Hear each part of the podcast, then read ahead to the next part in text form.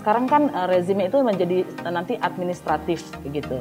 Hmm. Administratif uh, yang dikedepankan itu bukan sanksi pidana. Kalau menurut kacamata kami orang hukum maka orang kena sanksi itu bukan karena berat ringannya, tapi karena mampu membayar ketika kita melihat cipta kerja lalu larinya ke 70 sekian undang-undang sampai ke persoalan-persoalan kecukupan hutan aja dipersoalkan yang 30 persen segala macam relevansinya apa ya kok sampai ke situ gitu bukankah kalau kita lihat studi-studi internasional bahkan gitu ya persoalan-persoalan hambatan investasi itu korupsi kok Salam adil dan lestari. Kamu mendengarkan obrolan penting tapi santai. Opsi untuk solusi. Halo semuanya, kita berjumpa di Opsi, obrolan penting tapi santai. Dan ini merupakan episode perdana Wahana Lingkungan Hidup Indonesia bersama saya Putri Ayudya. Di kali ini, season pertama ini, saya mau ngajakin Anda semua untuk membicarakan tentang Undang-Undang Sapu Jagat.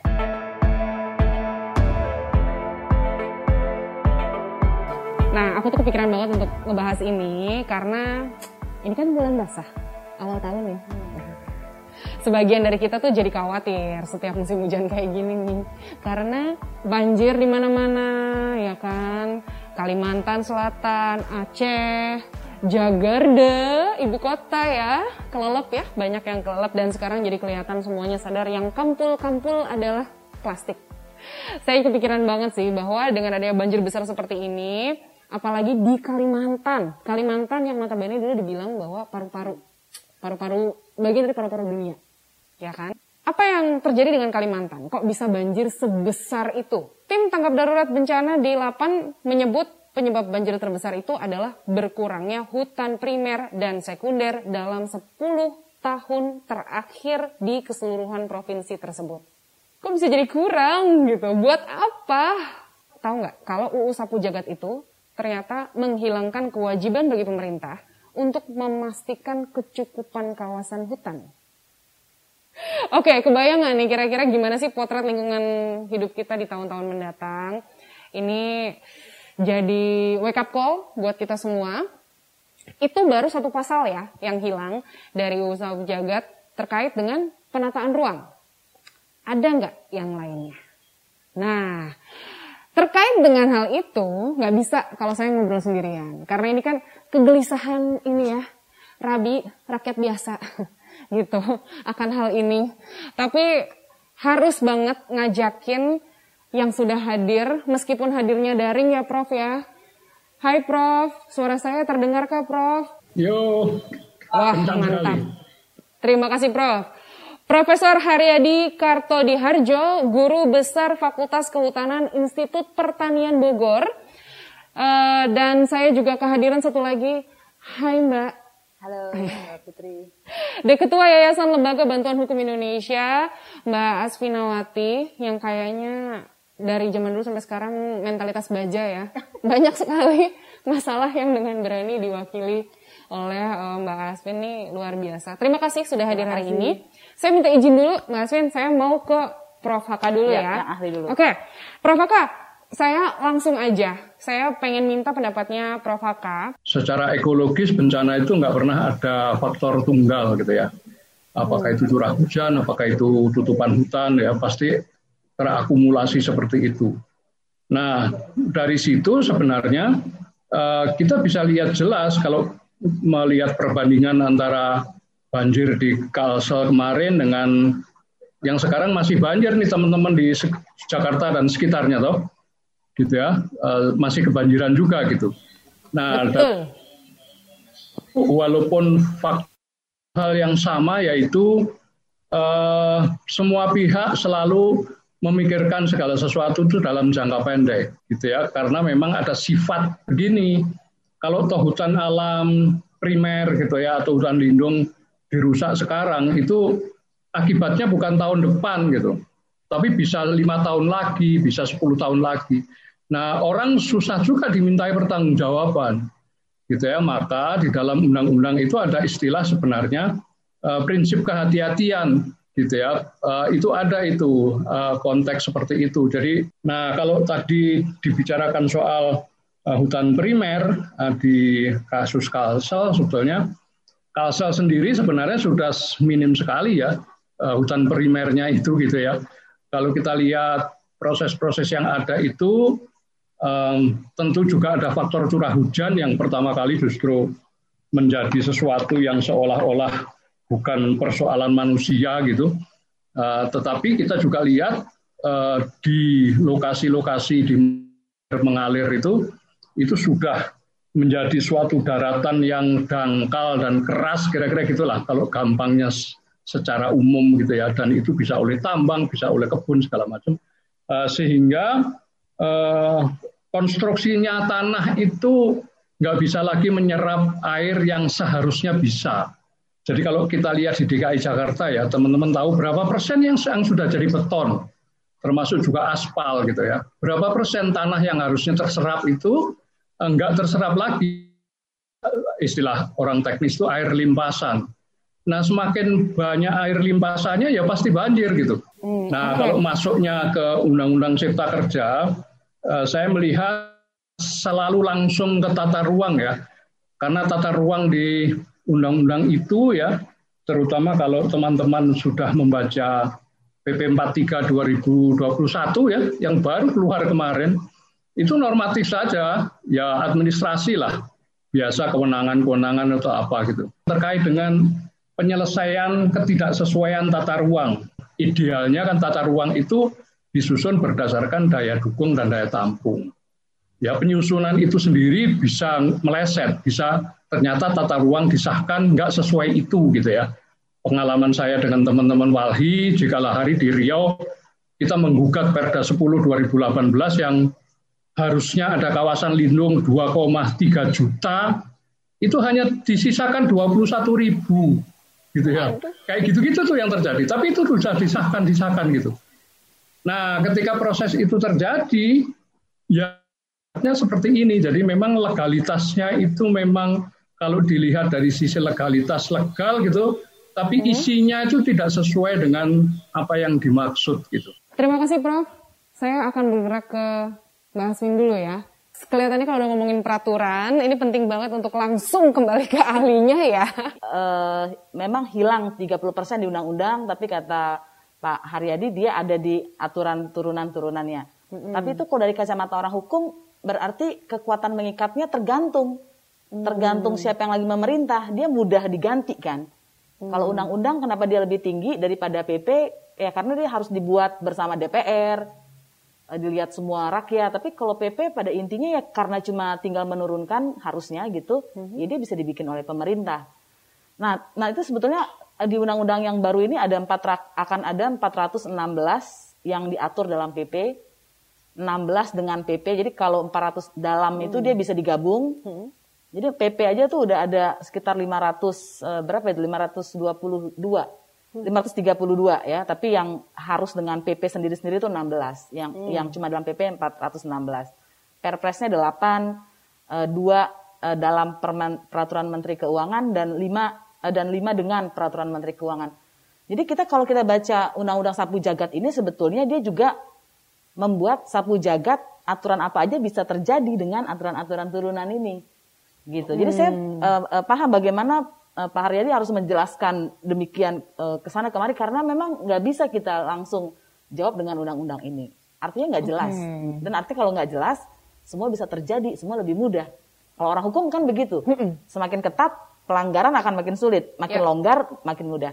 Nah soal kemudian uh, soal uh, ini ya, uh, sekarang kan uh, rezim itu menjadi uh, nanti administratif gitu. Hmm. Administratif uh, yang dikedepankan itu bukan sanksi pidana. Oke. Okay Uh, tapi kalau ada pelanggaran-pelanggaran, uh, dia akan ya uh, sanksi pidana. Nah, kalau menurut kacamata kami orang hukum, maka uh, orang kena sanksi itu bukan karena berat ringannya, tapi karena mampu membayar.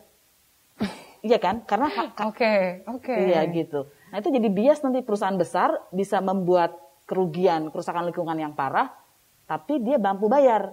Hmm. Ya dia nggak kena sanksi pidana. Selama bisa dipenuhi sanksinya, boleh terus dilakukan seolah-olah gitu ya. Betul, karena sanksi hmm. administrasinya khususnya adalah uh, denda. Hmm. Gitu. Kalau dia dicabut izinnya itu kan akan menakutkan, tapi ini kan yang lebih banyak adalah uh, denda. Uh, terus tadi soal bencana lagi ya. Uh, soal hmm. bencana itu misalnya uh, makanya saya bilang tadi kita harus lihat pasal-pasal klaster-klaster lain. Misalnya untuk uh, pertanian, pertanian, pertanian itu kan bagaimanapun kan akan menyimpan air juga ya daripada hmm. beton hmm. atau aspal. Nah itu kalau dia akan digunakan untuk uh, proyek uh, strategis nasional, uh, dia bisa dialihfungsikan gitu.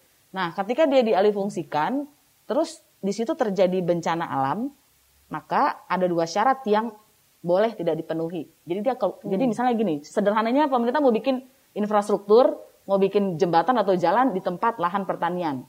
Hmm. Kemudian karena itu untuk proyek strategis nasional untuk kepentingan umum boleh gitu. Kemudian setelah dibangun, lagi dibangun kena bencana. Hmm. Nah dia bisa dipindahin tanpa melakukan kelayakan strategis. Artinya oh. udah bencana, nanti dipindahin ke situ nggak pakai kelayakan strategis, mungkin itu daerah bencana yang lain. Waduh. Gitu ya. Nah jadi memang uh, uh, pasal-pasal ini saling terkait. Kalau kita hmm. tadi ngomongin hutan kekaitannya dengan bencana, ada ancaman bencana di uh, pasal yang lainnya. Hmm. Gitu. Terus kemudian dengan uh, izin izin lingkungan yang dipermudah. Misalnya kalau uh, itu hanya untuk seluas uh, 5 hektar, hmm. uh, gitu, maka dia tidak perlu amdal. Asal syarat-syarat yang administratifnya sudah dipenuhi. Hmm. Nah, saya suka ngetes nih kalau ada undang-undang ini coba kita lihat kasih lihat ke orang yang bukan orang hukum. Hmm. Yang kadang-kadang bukan kadang-kadang sering kali nalarnya lebih jalan gitu ya. Terus dia bilang, "Oh, ya udah bikin aja lim, uh, uh, lim, sebelum 5 hektar tapi ada 100." Udah hampir 500 hektar. Saya pikir benar juga ya. Wow. Gitu. Dan itu kalau misalnya di satu daerah ada perusahaan memecah dirinya gitu ya menjadi uh, 100 kalau ada 30 kabupaten udah berapa hektar? Ya, jadi ini Wah. ini kan serius ya. Iya. Uh -uh. Jadi kan kita ngelihat ini bukan cuma pasal satu ini atau mm -hmm. cuma satu satu perbuatan, tapi dia bisa ratusan perbuatan di bawah 5 hektar. Akhirnya jadi ratusan hektar juga atau ribuan hektar. Oke, okay. apakah berarti uh, dalam pasal ini celahnya jadi banyak banget sebenarnya? Betul banget. Boleh nggak sih di highlight yang mana pasalnya? Uh, uh, tadi itu ya yang uh, hmm. jadi intinya begini kalau kita mau karena banyak ya kata ya. kuncinya hmm. sebetulnya hmm. uh, yang paling inti adalah proyek strategis nasional. Oke. Okay. Uh, misalnya nih di pasal 44 yang klaster lahan pertanian yang saya sebut tadi dalam hal hmm. untuk kepentingan umum dan atau proyek strategis nasional lahan pangan uh, lahan pertanian pangan berkelanjutan dapat dialihfungsikan. Terus tadi kalau dia kemudian dialihfungsikan kena bencana maka dia tidak perlu dilakukan kajian kelayakan strategis. Hmm. Gitu. Jadi kalau kalau kita baca ayat 1 2 3 itu kesannya keren. Oh, dilakukan kajian kelayakan strategis, disusun rencana alih fungsi lahan, dibebaskan kepemilikannya. Tapi begitu kita baca ayat 4-nya, kalau terjadi bencana sehingga pengalihan fungsi lahan untuk infrastruktur tidak dapat ditunda, persyaratan huruf A dan B tidak diberlakukan. Apa syarat A? Kajian kelayakan strategis dan B rencana alih fungsi lahan. Jadi nggak perlu ada rencana alih fungsi lahan. Nah, kita harus dengerin tanya juga nih saya nggak terlalu paham sebetulnya ke Pak Haryadi kalau nggak ada kajian kelayakan strategis rencana alih fungsi lahan itu resikonya seberapa parah sih gitu ya? Oke. Oke, berarti langsung ya, Prof Haka boleh langsung dijawab nih kelihatannya. Kalau misalnya, iya dong, kita pas banget nih kalau misalnya tidak ada uh, tes dulu untuk kelayakan lahan. Aduh, ini resikonya seberapa besar sebenarnya, Prof? Ya sebenarnya begini, hampir uh, saya mincahnya tadi kalau nggak salah Mbak, apa namanya tadi dibicarakan soal apa perubahan sawah ya.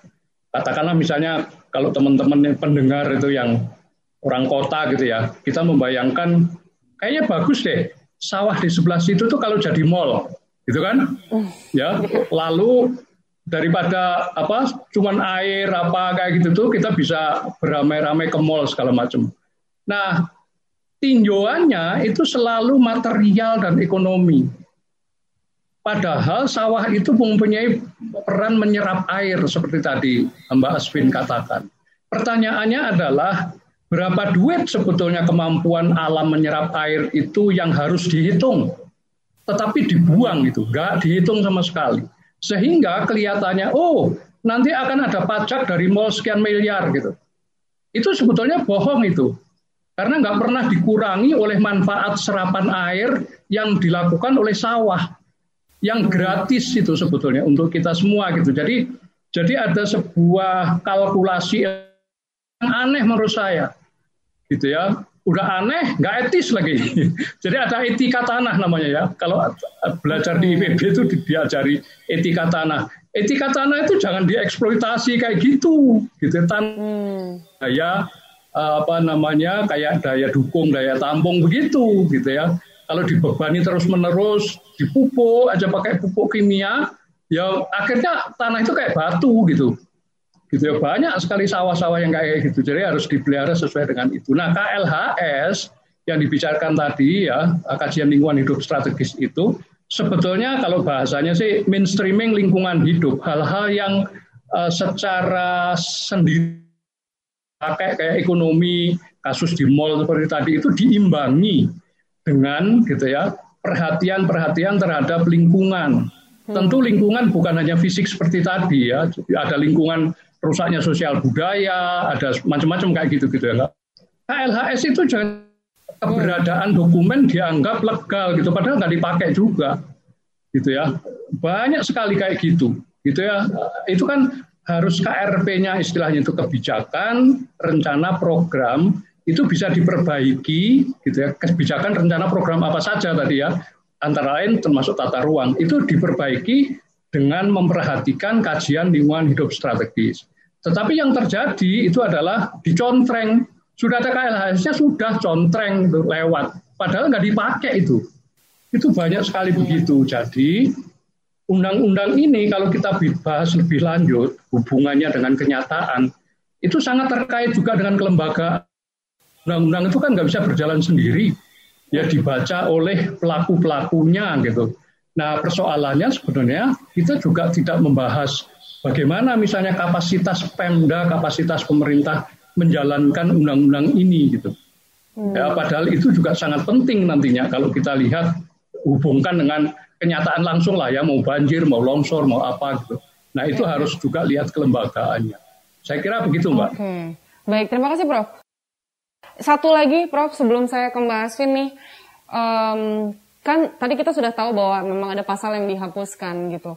Ada korelasinya nggak sih sebenarnya, Prof, dengan uh, kebutuhan untuk Undang-Undang Cipta Kerja ini? Nah, ketika kita melihat Cipta Kerja, lalu larinya ke 70 sekian undang-undang, sampai ke persoalan-persoalan kecukupan hutan aja dipersoalkan yang 30 persen segala macam itu kadang-kadang begini relevansinya apa ya kok sampai ke situ gitu e, bukankah kalau kita lihat studi-studi internasional bahkan gitu ya persoalan-persoalan hambatan investasi itu korupsi kok yang menyebabkan layanan publik terhadap uh, pelayanan perizinan kok di situ.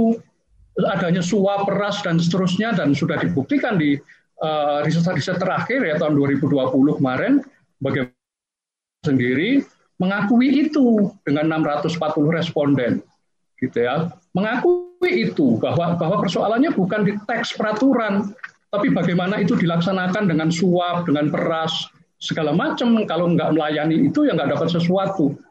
Kan sebetulnya agak salah alamat menurut saya. Kalau sampai ke 30 persen dipersoalkan ya uh, terus apa regulasi-regulasi lingkungan hidup dilemahkan. Ya emangnya kalau jadi lemah itu pelaksanaannya lebih mudah? Yang enggak lah gitu. Coba tanya pengusaha. Aku sudah survei soalnya itu. Teman-teman tuh malah saya menghadapi orang yang sama mas mejanya sama mas. Bagaimana saya bisa mengelas itu? Uang bulan depan dua bulan tiga bulan juga ketemu dia lagi. Kayak gitu-gitu tuh pertanyaan uh, jawabannya itu. Ya, ini ini sosiologis memang bukan bukan hukum ya. Uh, sosiologis yang ber, berjalan di lapangan gitu ya kayak gitu. Nah, maksud saya lagi-lagi sebenarnya cermat sedikit nanti. Jangan-jangan kita semua kecewa ya. Sudah dipotongin sana sini pasalnya gitu kok nggak ada hasilnya ya gitu jangan-jangan kayak nggak nggak ada antisipasi gitu padahal bagi saya yang biasa studi tata kelola korupsi segala macam uh, ini akan terjadi seperti itu gitu. Kalau perhatian terhadap uh, apa bersih-bersih persoalan birokrasinya nggak dilakukan. Itu hmm. Mbak kalau saya. Baik, terima kasih Prof. Nah, ini kalau kita bicara soal tadi Prof bilang ada etika tanah, hmm. Pak Asvin. Sebenarnya kalau persoalan hukum nih menentukan itu sebenarnya gimana sih? Nah, kalau kita lihat, uh, saya ngambil kata kunci tadi dari Pak Haryadi soal tekanan publik tadi gitu ya, secara sosiologis. Nah sebetulnya undang-undang ini uh, justru menghilangkan tekanan publik itu karena misalnya uh, komite penilai AMDAL sekarang kan uh, tidak lagi melibatkan masyarakat umum hmm. atau pegiat lingkungan organisasi begitu. Dia hanya dilokalisir ke masyarakat di sekitar tempat itu. Hmm. Padahal kalau kita logika aja ya, kalau ada laut tercemar, apakah hanya orang di sekitar pantai laut itu yang akan terkena akibatnya atau keseluruhannya? Tentu saja kita tahu pasti tidak hanya di situ. Karena itu negara-negara di dunia itu ribut sekali bikin eh, pertemuan-pertemuan untuk perubahan iklim ya karena mereka tadi kalau dari pengantarnya Mbak Putri bilang uh, Kalimantan itu salah satu penyangga paru-paru dunia. dunia gitu ya. Ya dia tahu dia akan mempengaruhi beberapa batang pohon yang ditebang di Kalimantan akan mempengaruhi iklim di Eropa.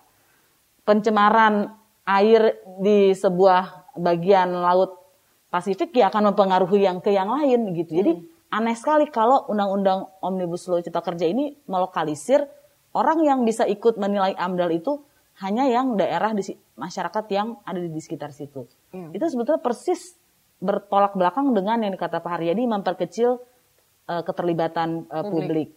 Nah, tadi kalau soal uh, kemudian bagaimana nih uh, dampaknya gitu ya. Hmm. Uh, saya senang sekali nih kita bisa ngeliat kaitannya. Misalnya uh, tadi kan lahan pertanian udah dikurangi nih, sangat bisa kemungkinan dikurangi. Hmm. Terus kita kita makan dari mana berarti pangannya? Jangan khawatir. Uh, Undang-Undang Sapu Jagat sudah memikirkan, yaitu apa? Dari impor. Nah, hmm. jadi kalau di undang-undang yang lama ada larangan impor dan ada sanksi pidana buat orang yang melanggar impor itu. Apa itu hmm. aturannya? Yaitu impor pangan itu cuma boleh kalau cadangan dalam negeri dan e, pangan dalam negeri dan cadangannya kurang. Hmm. Itu dihapus.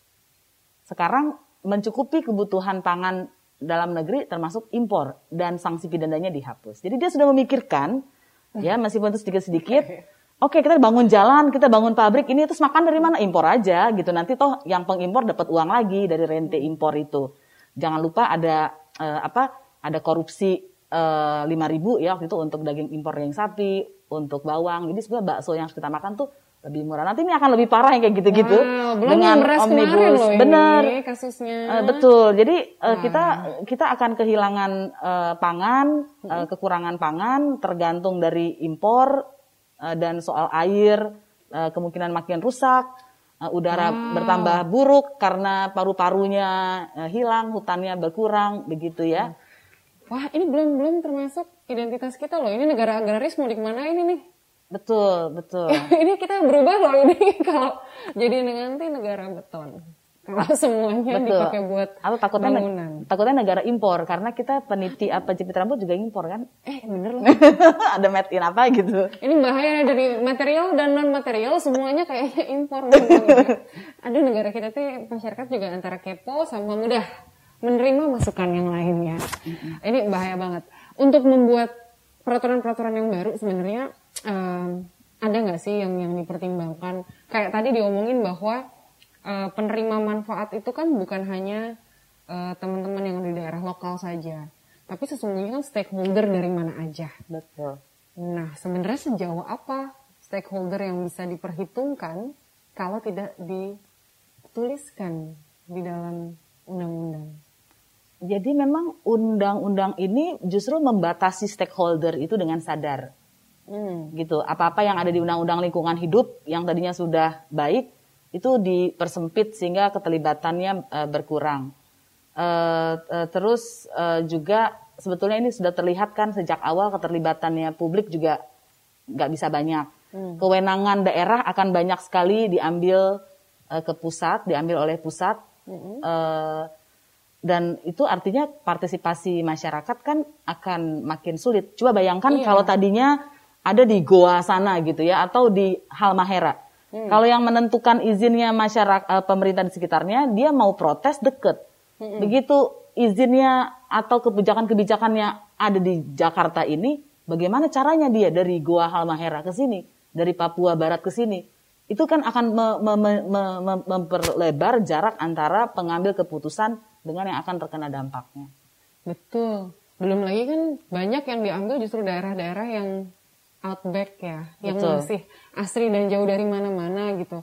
yang belum tersentuh bahkan untuk fight aja sulit nih gitu karena akses terhadap pengetahuannya, akses terhadap informasinya, ujuk-ujuk udah datang aja tuh alat gitu kan, alat-alat berat di lokasi.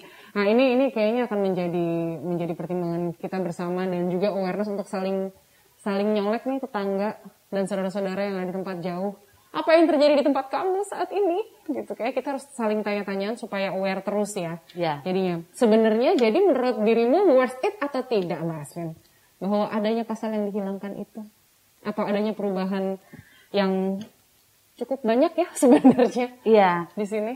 Jadi sebetulnya menurut saya alasan-alasan pembentukannya itu bukan apa yang disampaikan secara verbal.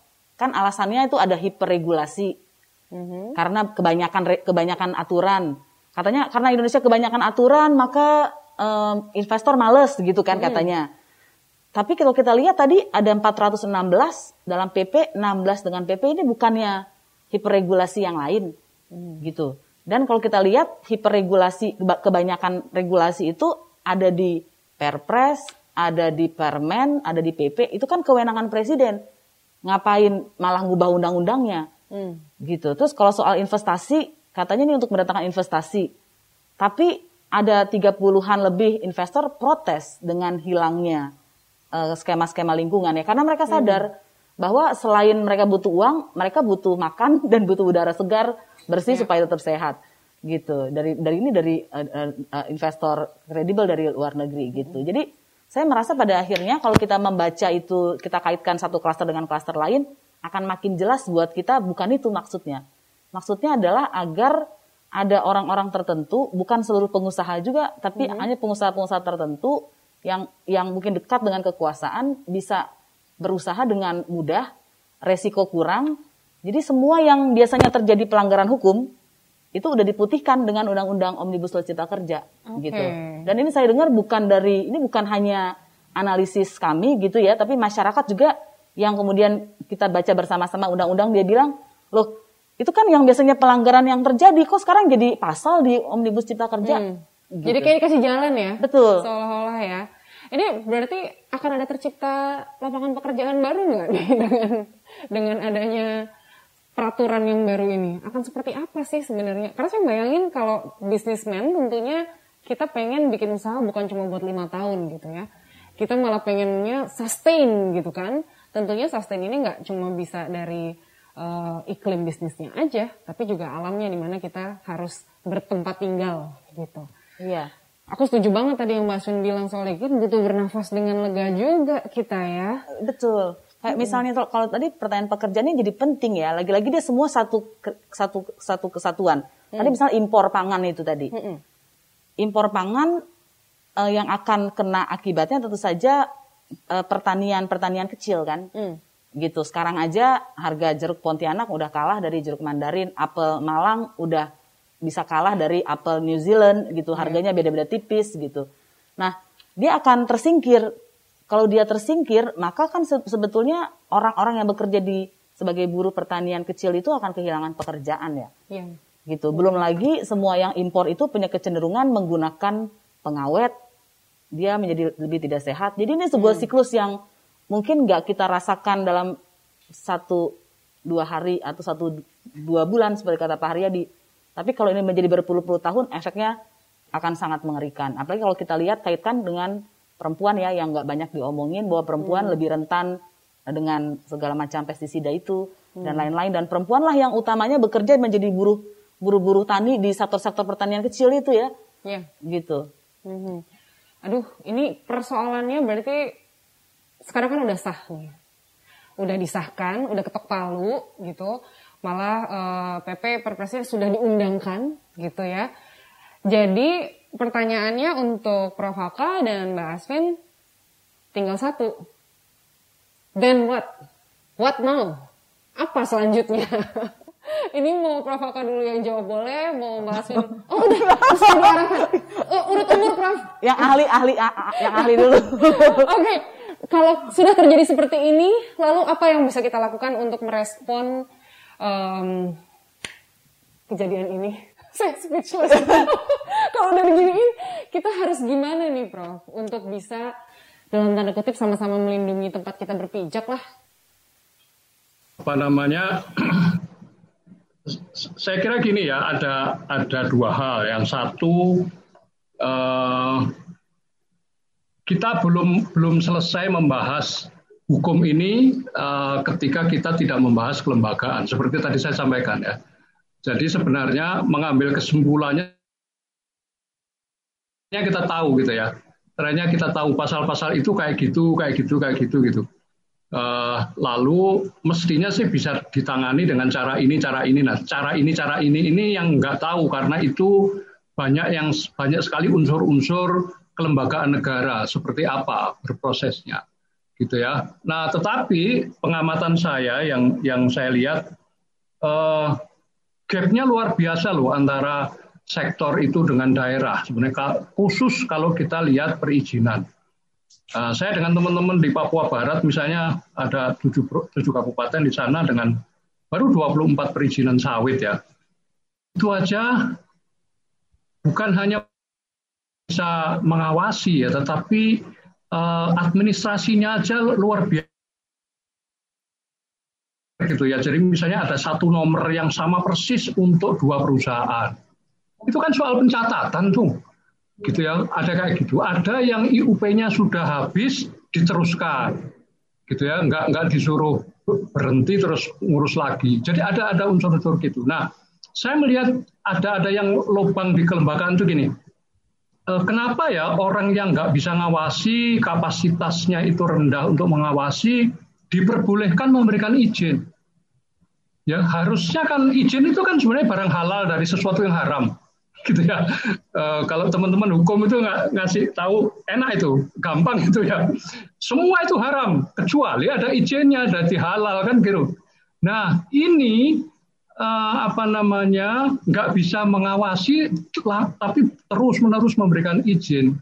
Nah yang seperti itu nggak ada di undang-undang, gitu ya ya itu kan norma bagaimana sebetulnya undang-undang dijalankan sudah ke sana itu sudah. Nah saya melihat gitu. Nah ketika tren seperti itu nggak dibiarkan kayak gitu dan pemerintah kelihatannya masih masih memasarkan ini dalam bunyi-bunyi pasalnya saja gitu ya tanpa melihat fakta di lapangan seperti tadi maka saya melihat sangat mengkhawatirkan sebetulnya kondisinya gitu. Justru istilahnya itu apa? Apa knowledge sharing gitu ya pastilah saya tidak tahu ilmu hukum gitu ya, tetapi ada jagoannya hukum yang sedang bicara di sini gitu ya. Nah itu sharing. Saya bisa memberikan etika hutan misalnya gitu dari forest management saya bisa sharing. Nah dalam konstelasi itu kita mempunyai kapasitas ya untuk bisa lebih mengimbangi arus tadi gitu. Ya karena ini sifatnya itu multi level juga juga istilahnya itu transdisiplin nggak bisa menggunakan satu ilmu saja gitu ya banyak. Nah hal-hal seperti itu yang diharapkan termasuk juga generasi muda saya kira harus harus mulai tahu. Saya kira begitu saja. Uh, terima Baik. kasih. Terima kasih Prof. Wah ini garis bawah soal perizinan. Nanti saya kasih cuplikannya ya. Bahas gimana? Dirimu apa yang bisa kita lakukan Mbak untuk mengatasi apa yang mungkin terjadi di depan? Ya, pertama kita harus memperbanyak hal-hal seperti ini ya mm -hmm. uh, menyebarkan apa sih yang akan terjadi kalau kita uh, merujuk pada normanya. Uh, betul sekali tadi Pak Haryadi mengatakan bahwa pada pelaksanaannya umumnya norma hukum itu bisa lebih jelek gitu ya. Nah tapi kalau normanya aja udah jelek, lebih jeleknya lagi mau semana lagi gitu kan. Nah jadi kita perlu menyebarluaskan ini tentunya dengan uh, bahasa yang sesuai dengan siapa yang mau kita sebarkan dan tema-tema uh, uh, yang sesuai gitu. Nah yang kedua, selemah-lemahnya langkah kedua itu adalah kita mengumpulkan dampak-dampak pelaksanaannya. Sehingga nanti kita bisa setelah setahun kita bisa melakukan evaluasi, kita bisa mengatakan karena Undang-Undang Cipta Kerja mengatakan pergantian tanah masyarakat yang mau diambil untuk program strategis nasional atau kepentingan pengadaan umum harus uh, sesuai harus disesuaikan dengan uh, masalah inflasi kemampuan negara. Akibatnya semua jadi rugi ganti rugi nggak bisa punya tanah lagi misalnya begitu ya. Nah, jadi kita perlu mengumpulkan dan itu perlu berbagai sektor karena meskipun dia memang saling berhubungan, tapi buat saya kalau kita harus mengumpulkan banyak sektor sekaligus meminta masyarakat itu mungkin akan kesulitan ya. Jadi mungkin kita bisa minta nelayan mendata apa sih dampak omnibus law uh, untuk mereka dan uh, seterusnya. Nah tentu saja sesudah itu kita perlu menyebarluaskan lagi dampak-dampak itu supaya mantra-mantra negara ketika membentuk uh, undang-undang sapu jagat ini bisa terpatahkan gitu. Karena mantra itu ternyata tidak se, tidak seperti kenyataannya gitu.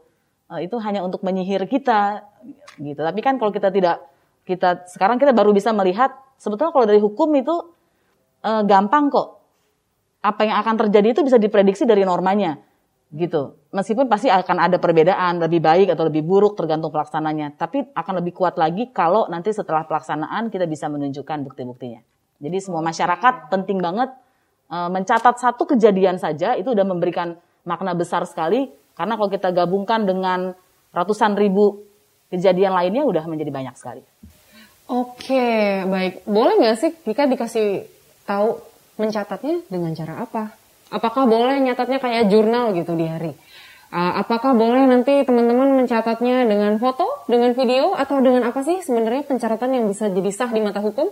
Ya, keren sekali tadi uh, usul-usul Mbak Putri. Jadi dia bisa membuat cerita ke puisi ya, karena itu biasanya akan lebih mengena ya, karena itu menggambarkan tidak hanya fakta-faktanya, tapi juga situasi psikologis akibatnya, emosinya dapat.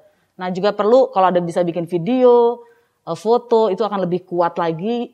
Kalau ada yang bisa menuliskannya berdasarkan uh, uh, 5W1H gitu ya, uh, di, di mana tempatnya, kapan kejadiannya, apa akibatnya, uh, berapa orang yang terkena dampaknya, berapa desa, berapa luas lahan yang terkena itu akan lebih bagus juga. Oke, baik. Kita sudah punya nih ternyata uh, hasil yang bisa praktikal, bisa dilakukan oleh siapa saja. Cara yang mudah untuk membuat lingkungan kita lebih terjaga nih teman-teman. Mulai dari cara yang paling kecil, cara yang paling sederhana, sampai dengan di level kebijakan. Dan juga tadi saya ingin menggarisbawahi bahwa uh, Profesor Haka sempat mengatakan tentang izin. Nah, persoalan izin nanti kita nanya lagi episode 2. Betul teman-teman? Oke, malu-malu ya masih semuanya yang rame kita aja nggak apa-apa. Udah, oke, okay. baik uh, sekali lagi teman-teman jangan ragu untuk berkolaborasi kelihatannya ini nggak akan bisa terjadi, tidak bisa tercapai perlindungan yang mumpuni, yang menenangkan gitu ya. Kalau zaman sekarang kan ada istilah mindfulness gitu ya. Semuanya aware terhadap kesejahteraan bersama dan untuk itu kita butuh bantuan kamu untuk terus uh, mengupdate kita dan juga mendapatkan update dari kita. Ya, seperti katanya Profesor Haka, sharing knowledge itu penting banget untuk kita sama-sama tahu apa yang sedang terjadi saat ini dan apa yang bisa kita bagikan, kita kerjakan bersama-sama. Terima kasih banyak. Terima kasih banyak juga. Dan kita sampai di ujungnya opsi nih, obrolan penting tapi santai dari Walhi. Dan untuk itu teman-teman mau komen boleh langsung aja komen di bawah. Mau DM langsung ke IG-nya Walhi silahkan. Kita butuh banyak masukan dari kamu dan usulan topik-topik menarik yang bisa kita bahas sama-sama. Dan sekali lagi kita tunggu kamu di episode kedua. Kita ngomongin soal rezim perizinan nih. Ya. Saya nggak janjian tapi disebutin sama Profesor Haka. Berarti terbukti bahwa ini penting. Karena katanya perusahaan uh, pengusaha udah nggak perlu repot-repot lagi ini untuk izin lingkungan. Cukup bikin pernyataan komitmen aja udah beres gitu. Hati-hati ya. Ya udah nanti kita bahas episode 2. Terima kasih. Sampai ketemu lagi di Opsi.